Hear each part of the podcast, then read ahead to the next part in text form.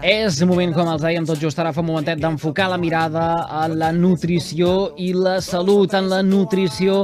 De veritat, és per això que hem de donar pas al nostre col·laborador Guille Mena, que és eh, doctor en nutrició. Guille, bona tarda, bon dimecres, com estàs? Molt bona tarda, benvinguts a l'Equador de la setmana. Sí, senyor. Escolta, veiem ja la recta eh, final per gaudir del cap de setmana. Eh, gaudir del cap de setmana que no és sinònim tampoc de desenfre i de saltar-nos totes les uh, regles i les uh, lleis que, per exemple, explicarem al llarg dels propers minuts, perquè avui uh, ens centrarem en uh, l'estil de vida saludable, coincidint que ahir va ser el Dia Europeu per la Prevenció del Risc uh, Cardiovascular. Uh, Guille, uh, això uh, va lligat en un bon estil de vida. Majoritàriament, creus que uh, duem un uh, bon estil de vida pel que fa a hàbits uh, alimentaris, de uh, pràctica d'exercici físic, de consum de tabac, uh, alcohol, uh, de nivells de colesterol... Ara ens centrarem eh, en quin munt de coses, però uh, a grans trets, uh, creus que majoritàriament seguim un bon estil de vida o un estil de vida saludable? Jo crec que a grans trets hem de ser positius i veure que la tendència és que cada cop la gent s'està cuidant més. Però les malalties cardiovasculars segueixen sent la primera causa de mort al nostre territori. Per tant, és algo que no, no ens pot fer perdre el nord, d'acord? De, de que realment sempre podem millorar. Podem fer una autocrítica, no cadascú. Posar-se una nota de l'1 al 10, per exemple, amb com creus de manera subjectiva si menges bé. Després, ja, ja cadascú s'informarà, no? Eh, si fas el suficient exercici físic, no? el, el que a nivell eh, setmanal es recomana mínimament és arribar a aquests 150 minuts d'exercici, que no és activitat física. Després, si fumes o no fumes. De si ets un, un, una persona que veu de manera diària o ets un bevedor ocasional o no veus, d'acord? De pitjor a millor, ho acabo de fer si prens algunes altres substàncies tòxiques o drogues, si tens uns hàbits de son correctes o si, per exemple, vius eh, sempre rodejat d'estrès. De, Déu-n'hi-do, déu nhi déu del, del munt de coses que acabem d'assenyalar, ara les anirem tocant, eh, de mica en mica. Uh, escolta una cosa, uh, tot, tot això, ara que cadascú faci l'exercici, com molt bé explicaves, de posar-se nota eh, en a cada un d'aquests uh, ítems i, uh, si convé, ja arribarem a una uh, conclusió i després si hem de canviar alguna cosa. Eh, és fruit de l'americanització a la que estem sotmesos? Fruit d'aquesta uh, globalització? Sí, aquest procés se li diu occidentalització i és una de les principals causes. És una de les principals. Després et dic una cosa, si el model aquest no ens agradés i no s'hagués vingut per quedar-se, doncs no tindríem aquest problema. Però què passa? Que ens agrada menjar molta carn, ens agrada menjar molt de sucre, molt greix eh, processat, aliments eh, rics en antinutrients, podríem dir, no?, d'alguna manera. Aleshores, clar, doncs si, si realment hem, això ha arribat aquí i s'ha quedat, és per algú. A la gent li agrada menjar malament, a la gent li agrada. Sí, clar, és que menjar malament, uh, te dona molt plaer, també. T'atreu la salut, però te dona plaer al moment, que és el que a molta gent li fa falta, placer al moment. Uh, al final, la responsabilitat és uh, de, de, de cada persona. L'administració, però, consideres no del tot. que... Exacte. No del tot. Aquí, aquí volia anar també. L'administració està fent les coses com toquen. Ara em ve el cas, per exemple, en parlàvem diria que fa 15, dia, 15 dies ho vam mig insinuar, uh, l'impost de, de, del sucre. Uh, però és que fa encara no mig any hi va haver tota aquella polèmica uh, perquè un uh, ministre de l'executiu de Pedro Sánchez va parlar també del consum de carn i va sortir aleshores el president espanyol dient que uh, ell, sí, doncs, sí, un sí, buen xuletón, uh, escolta, allí el, allí el té. Sí. Um, no, no. Per tant, veiem, veiem com els governs també tenen moltes coses a, a dir, a fer. Aquí, en aquest cas, per mi és una patinada, d'acord? Perquè tu en un mitjà de comunicació que t'està veient eh, toquisqui, podríem dir, que llencis a, a, a la teva opinió de que a tu el que a tu t'agrada és menjar un xuletón, doncs a mi el que em passa pel cap és que em dona igual saber el que a tu t'agrada, d'acord? El que no pot ser és que llencis aquest missatge com si menjar-se un xuletón fos algo saludable quan realment tenim recomanacions de carn vermella que estan per sota de 150 grams a la setmana de producte. Aleshores, clar, un xuletón seran 400 grams, que tu podries arribar a fer 400 eh, grams una vegada al mes. M'explico? Si parlem a nivell poblacional. Però, bueno, és una, és una patinada que tampoc... Jo no li donaria importància. Li dono més importància al fet de que, per exemple, hi hagi col·legis de professionals sanitaris que estan sponsoritzant galetes de mala qualitat o, per exemple, que, que tu vagis a una roda de premsa eh, sobre salut cardiovascular i, i darrere a lo que és a la, al, com es diu això, al, al fotocol, no? Bueno, on surten els sponsors d'acord? Vegis eh, eh, rosquilles o, o, o bolleria. Aleshores, no té ningú sentit. Per tant, eh, crec que l'administració podria millorar moltíssim. Des de luego que sí. S'estan fent coses que abans no es feien? Sí, s'està avançant, s'està avançant. Que la indústria alimentària també està evolucionant? Doncs depèn de quina, depèn de quina. Hi ha uh, indústries que estan retirant eh, ingredients que són perjudicials pel consum humà i en altres que no. D'acord? Per tant, aquí, aquí va en joc no la salut de les persones, Edu, aquí van en joc molts euros. Uh, ja, ho, ja, ho, ja ho pots ben dir, eh? Al final els interessos econòmics passen uh, per davant de qüestions uh, tan importants com, com és la, la salut. Escolta una cosa, uh, això ho tenim molt fàcil nosaltres aquí, uh, perquè uh, ens fem un fart de parlar de la dieta mediterrània, tothom vanagloria eh, la, idea, la, la dieta eh, mediterrània, però després l'apliquem eh, amb, amb molts condicionants o d'aquella manera. Els nostres avantpassats, eh, Guille, portaven una vida saludable, portaven una vida més saludable que no pas eh, naltros a, a dia d'avui? A veure, o sigui, si parlem a nivell alimentari, d'acord, això sí que hi ha dades interessants, el, el consum de, de, de processats, d'aliments prefabricats i precuinats, el consum de verdura, llegums, d'acord? Era millor car, d'acord? Al igual que la gent, tal com estava distribuïdes les tasques a casa, era més fàcil que una de les dues persones, en aquest cas sobretot les dones, no? em fa molta gràcia quan Instagram em, em posa els anuncis de, del 1960 en el que surt una rentadora i a l'anunci està dient para la mujer i per la mujer. I pensava, mare meva, mare meva, això és per anunciar ja dona bo. Però vull dir, abans no, sí que potser era la dona la que, la que cuinava més a casa, la que anava al mercat, i aleshores, doncs, això ara s'ha perdut una mica. És o, o es fa, i ho fa independentment l'home i la dona, o, o se va al súper una vez a la setmana, o se, se, se hace la compra i te la traen a casa, i està canviant com tot molt i, i és molt més fàcil, doncs, pifiar-la. És més fàcil pifiar-la. Però també dic una cosa, ara vivim més.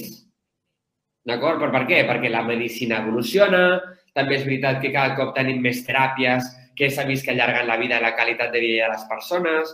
Per tant, eh, jo crec que estem en el camí correcte, sincerament. Eh, a mi, si tu em preguntessis ara, tu t'agradaria viure en, o sigui, en el 2060 tenint l'edat que tinc? Doncs jo et diria, hosti, doncs no ho sé. Eh? Perquè al ritme que anem, per exemple, de carregar-nos al planeta, vés a saber, eh? Ves a saber. O que el comer d'una pastilla no està tan lejos. Aleshores, clar, a mi que me poses una truita de patata espanyola o un pa amb tomàquet català amb un pernilet, eh, a mi m'agrada molt. Hi ha tradicions que m'agraden molt. Unes llenties unes llenties allò ben fetes, de xup-xup. Mm. Sí. Creus que estem a prop d'això, de, la, de la pastilla que ens ja, ja, allò, allò que veiem que estan fent els astronautes, o que diuen que fan els astronautes, eh, sí, més a prop del que ens pensem? I tant. Però si et dic una cosa, nosaltres estem investigant-ho a nivell personal. sí, sí, estem molt a prop. Estem molt a prop de tindre tot el que necessites en un concentrat sí, i adaptat i personalitzat. Sí, en les recomanacions alimentàries poblacionals seguiran estant, perquè hi ha molta gent que no tindrà accés a això. Però les persones que tinguin accés, sí. Eres mujer de tal, tal edat que ha tenido un cáncer de mama y necesitas tomar los nutrientes, de tot. I tant. Ostres, fa una mica de por, eh, de confessar, eh, comparar la piràmide alimentària, no?, en què eh, veiem tot tipus d'aliments, els eh, de la base, els que hem de eh, consumir a, a diari, els del vèrtex, eh, aquells que de manera molt ocasional, eh, i al costat posar aquesta, això, píndola que ens alimenta, hi ha diferències abismals. Jo, jo considero que tinc molt bons hàbits alimentaris. No estic fardant, perquè ja sabeu que jo mm, m'agrada des de la patata cutre de fast food freda fastigosa fins a lo més pitimini, o que de tant en tant faig copa i tal. Però jo, que tinc bons hàbits, estic prenent, per exemple, unes minicàpsules amb els nutrients que jo vull per si no ho faig bé durant la setmana per mala organització. És a dir, imagina't el nivell. És a dir, jo m'asseguraré sí o sí que els nutrients entrin. Ara, jo vull fer-ho bé. És a dir, com? Con lechuga, con pepino, con zanahoria, con pasta integral, con carne, con pescado, con productos lácteos, con frutos secos, con aceite de oliva. Però i si m'he organitzat com el cul i no, i no... Ah, doncs bueno, doncs tinc l'eina. Escolta, aquestes pastilles o aquests suplements estan a l'abast de tothom o, o parlem d'alguna cosa que ha d'estar eh, prescrita per un professional com tu? Les meves estan prescrites, d'acord? Estan formulades i són personalitzades. Però sí que és veritat que hi ha una de les coses que a mi em fa por, que és el que es ven al súper. O sigui, al súper tu pots trobar és que gairebé es convertirà en uns anys el súper en una farmàcia. I aleshores jo crec que aquí l'Agència de Seguretat Alimentària Europea eh, a poc a poc es anirà posant molt estricta amb el que es pot dir, bueno, ja és molt estricte, però encara més estricte amb el que pots dir d'un producte, amb, amb, amb, en una caixa, en el front pack, no? l'etiqueta per davant, què és el que pots dir, el que no pots dir, o com ho dius, perquè també hi ha molta màgia en això, no? molt, molt de màrqueting. Hmm. Escolta, en el que entenem com a prevenció del risc cardiovascular eh, i, per tant, ens fa eh, fer èmfasi en l'estil de vida saludable, eh, més enllà de la eh, bona alimentació i de la pràctica d'exercici eh, físic, hi ha moltes altres coses que, que les repassarem ja les hem mig comentat, però eh, a grans trets n'hi ha dues que són les que estic convençudíssim que la majoria de la població té entre cella i cella. Una, el colesterol, i dues, baixar pes. Doncs et diria no i no. D'acord? Això, grosso modo, no i no. Però sí que és cert que les dues poden ser sí i sí. D'acord? És a dir, una persona que porta un estil de vida saludable pot ser que per les, pels seus antecedents pugui tindre un dels colesterols desajustats. Això no significa que aquella persona sí o sí hagi de tindre més risc de patir una malaltia coronària. D'acord? En canvi, una persona que, per exemple, l'analítica li surt perfecta, però té un panxot de la dona més de 89 centímetres i en els homes més de 102, això a nivell científic s'associa amb un augment del risc cardiovascular, tot i que l'analítica li surti perfecta. Per tant, eh, que a nivell poblacional es digui un missatge de que el colesterol és un indicador de salut cardiovascular, tindrà el bé? Sí, sí, és un indicador. El, el baixar pes ja no m'agrada tant, d'acord? Perquè una persona ha de baixar pes si té un greix patològic, d'acord? Perquè hi ha moltes persones que tenen un excés de greix i que, escolta, que tenen més salut cardiovascular que jo, que jo tinc una arrítmia de per si, eh? que el meu cor té un fallo allí innato, està per allí. Entens? Aleshores, aquella persona pot ser que funcioni molt millor que jo. Per tant, baixar pes no. Ara, la quantitat de greix que tu puguis tindre, que tinguis un diagnòstic d'obesitat, d'acord? Que metabòlicament et surti, bueno, eh, et surti malament un electrocardiograma, la tensió arterial la tinguis elevada, i, i tinguis aquest excés de greix, no? que tinguis una diabetes tipus 2, que està normalment provocada per un augment de greix i perquè t'has carregat el pàncreas. Ah, aquí ja sí que tens un risc elevat de patir malalties cardiovasculars. Com es té cura de tot això? Ara parlaves, per exemple, eh, de 90 centímetres i de 120, has dit, en el cas dels... Eh, 102, 102. 102, perdó, 102. Um, com, com es regula, com es controla. Uh, al final eh, hem de parlar de les dietes uh, cardíaques per tal de sí. poder uh, tornar a trobar aquest equilibri? És a dir, una dieta equilibrada és una dieta que, que, que, que t'allunya de la malaltia cardiovascular. Però després hi ha dietes específiques. Hi ha, si una persona té risc elevat de patir arteriosclerosis o altres problemes o factors de risc coronaris, hi ha dietes més controlades que et deixen tindre menys marge de maniobra amb segons quins tipus d'aliments per no tindre el, per no tindre el menor risc possible. Després pots tindre mala sort i que t'apeti la patata igual, d'acord? Però aquestes dietes es serveixen bàsicament per això. Sí. La millor manera de controlar-ho això és tindre doncs, un control rutinari per al teu metge de capçalera, que per algú estem pagant una sanitat pública, això en primer lloc. Vale? També aquí dono un missatge que la gent no tingui la por en preguntar.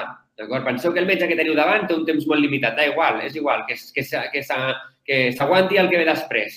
Però tu intenta aprofitar-lo i pregunta el que et passa.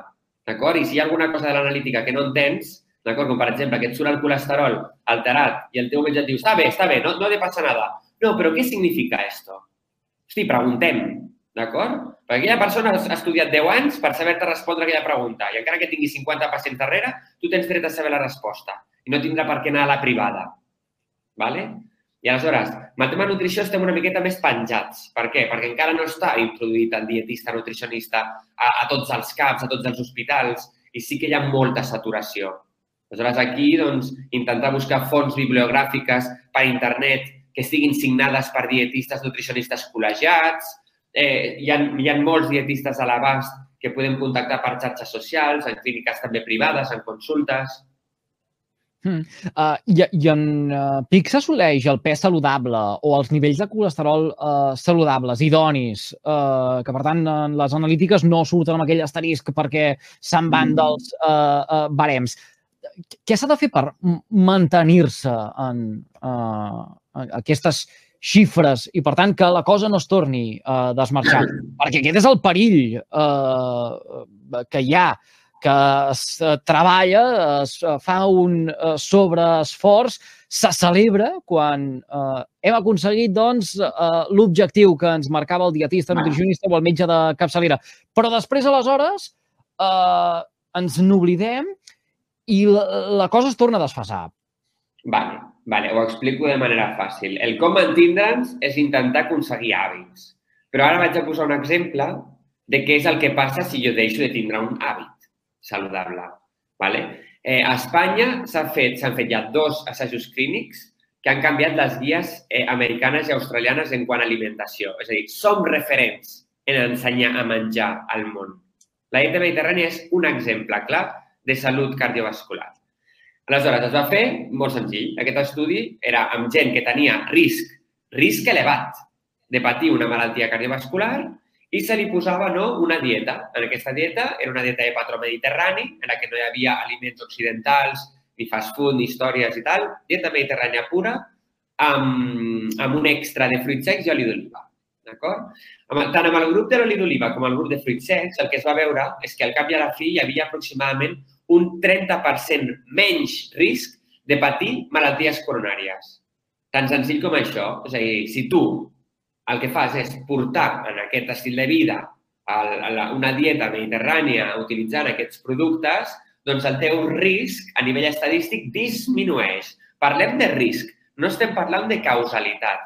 És a dir, no, no, no, no et passarà. És un risc.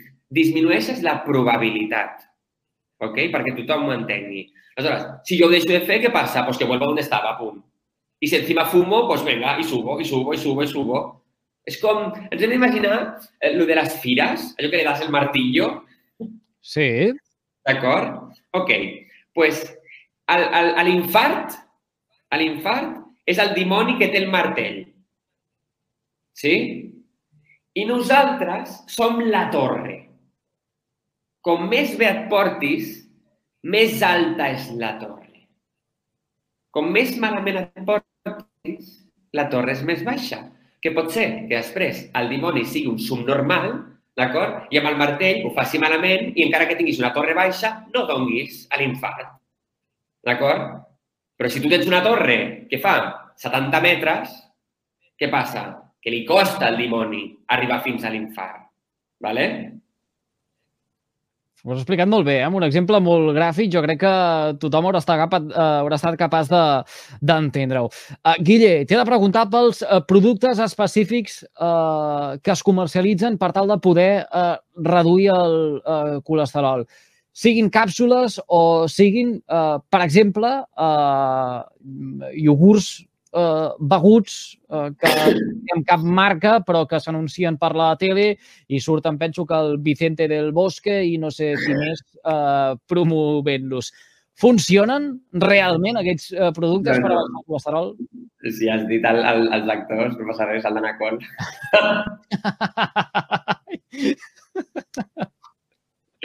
Va bé, a veure, eh, el, el d'Anacol, en concret, és un aliment funcional. D'acord? Què significa un aliment funcional? Que té una funcionalitat clínica específica i per poder, que, i per poder posar aquesta, aquesta funció, aquesta al·legació nutricional, sí o sí s'han de fer certs estudis clínics per demostrar-ho.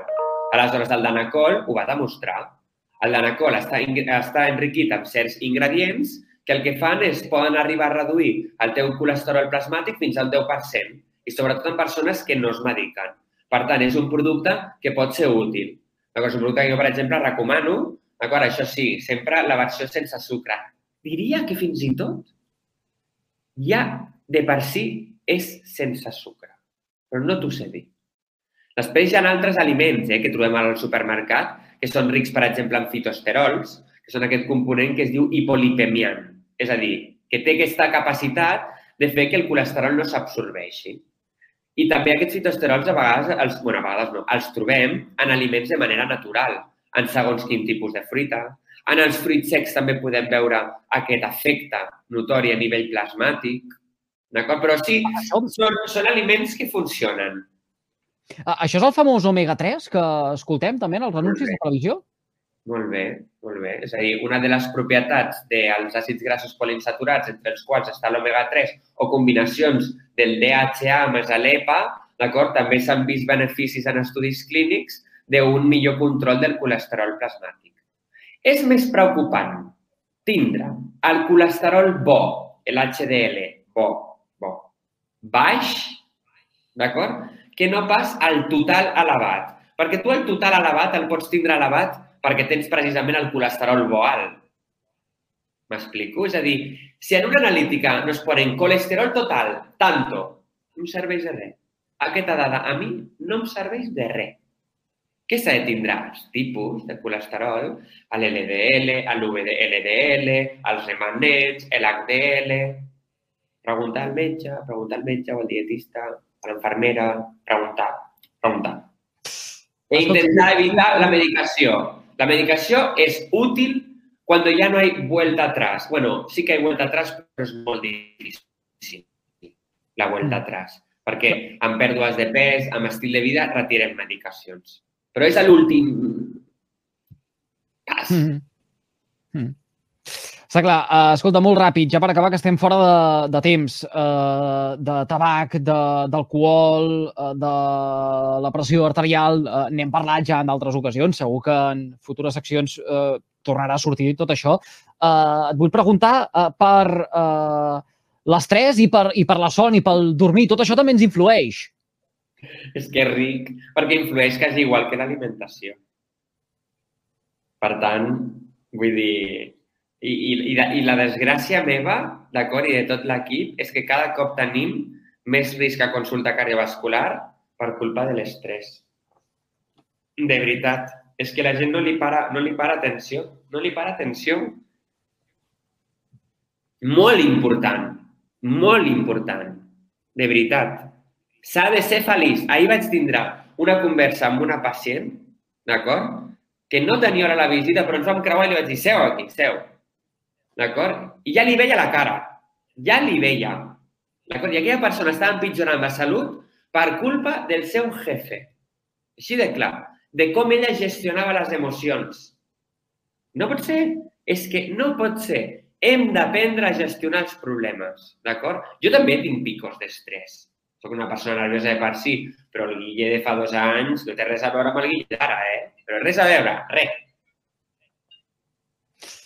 Déu-n'hi-do, déu nhi déu Escolta, uh, no sé si Carrer Major uh, t'ha ajudat doncs, també a millorar aquest uh, nivell, aquesta qualitat de vida. Nosaltres estem encantats que ens puguis acompanyar, Guille, cada 15 dies, perquè el que intentem és uh, uh, poder, eh, poder gestionar, eh, també ajudar els nostres oients eh, a l'hora de posar ordre en eh, la seva qualitat eh, de vida. Avui, centrats en aquest estil de vida saludable. Guille, eh, ho deixarem aquí. Eh, gràcies un dia més per fer-nos un forat a la teva agenda. Una abraçada ben forta. Adéu, bona tarda.